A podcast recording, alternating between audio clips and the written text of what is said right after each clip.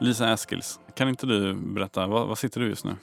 Ja, jag sitter i, eh, man kan säga på poddproduktionens hemmaplan i eh, en studio eh, hos vårt eh, produktionsbolag Ljudbang. Och jag har äran att sitta på samma stol som flera innebandyprofiler eh, som har bidragit till vår podcast har suttit på. Kristina Langgren satt här för fem veckor sedan. Och därefter har Niklas Side, Lasse Granqvist, Christer Kalte, Kim Fors, Dogge Doggelito och även Minne Dalerus, Åsa Kotten Karlsson suttit där. Alla de och många fler personer som har innebandyn varmt om hjärtat. Äntligen var det din tur, Lisa. Ja, men eller hur? Det trodde jag inte när eh, vi satt i början på produktionen. Och förutom du, Lisa, som jobbar med kommunikation på förbundet så har vi med oss eh, det är hela teamet från Svensk innebandy som har jobbat med den här podden. Ines Ren, eh, inkluderingsansvarig på eh, Svensk innebandy. Också Stefan Jonasson som jobbar med marknad och arrangemang. Välkomna! Tack! Tackar! Ines, kan inte du berätta, vad är Från ribbstolar till Globen? Det är Svensk innebandys eh, nya podcast som kommer släppas i tio avsnitt. Och den här podden handlar om innebandyns dåtid, nutid och även nedslag i framtiden. Och premiären sker onsdagen den 18 augusti. Precis. Och jag kanske ska presentera mig själv också. Jag, heter Hugo Wittorf och jag har varit med och producerat och tagit fram den här podden. Jag jobbar på eh, Post som är Svenska innebandys eh, partner och sponsor. Stefan, du har ju varit med och initierat det här projektet. Kan inte du berätta, varför gör Svensk innebandy den här podden? Vi vill ju ge innebandy chansen att få det sken den förtjänar och eh, sportens faktiska storhet ska lysa igenom. Det finns mycket vi behöver jobba på här i samhället och jag är en stark förespråkare för att vi ska lyfta idrottens roll för att göra saker bättre i samhället. Vad är, vad är det som gör innebandy så speciellt då? Men för min del så, så handlar det om en kärlek ända sedan jag var en ung, en ung pojk eh, när jag kom i kontakt med innebandyn. Men inte minst det sociala sammanhanget som innebandyn har bjudit på. Det blir tydligare för varje dag att innebandy är, en, det är svenska folksporten.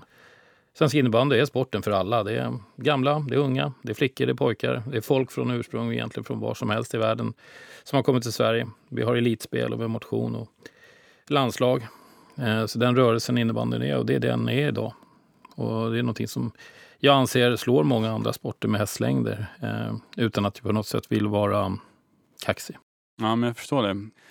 Ines, kan inte du berätta om namnet på podden? Från ribbstolar till Globen. Var, var kommer det ifrån?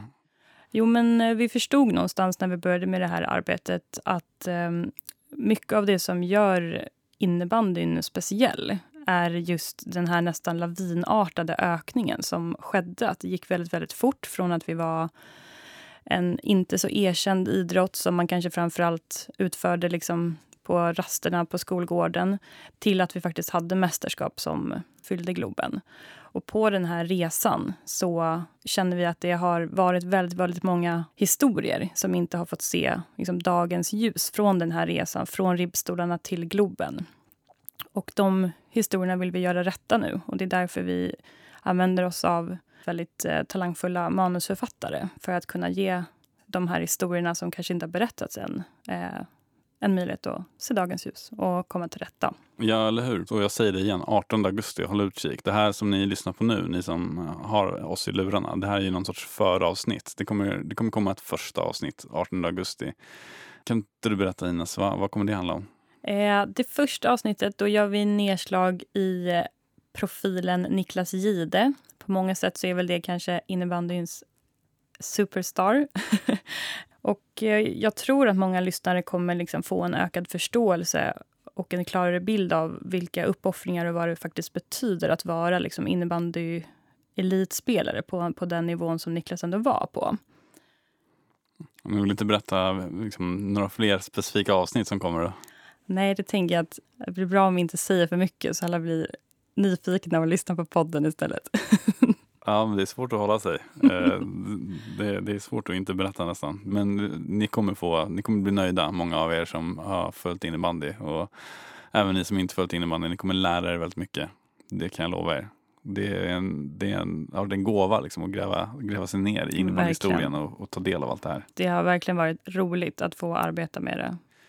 Och eh, Någonting annat som händer första avsnittet, men faktiskt händer alla avsnitt, är att det är faktiskt eh, Marie Rickardsson som är vår narrator. Någonting vi är eh, fantastiskt stolta över.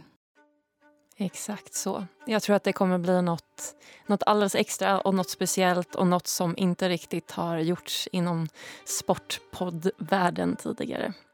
Stefan, eh, Ines och Lisa, tack så jättemycket. Tack. tack. Tack. Och tack till alla er som har lyssnat eh, på, det här, eh, på den här trailern. I dagsläget eh, när vi spelar in det här så är det sju av tio avsnitt inspelade. Det innebär att det är tre avsnitt kvar. Vi har massa historier att välja mellan redan men vi vill jättegärna höra med er som lyssnar om ni har några egna tankar på vad vi borde göra ett avsnitt om. Skriv till oss på Svensk innebandys sociala medier, Instagram, Facebook eller var ni ens kan hitta någon kontakt. Och lyssna på podden. Den är fantastisk. Ni kommer älska den.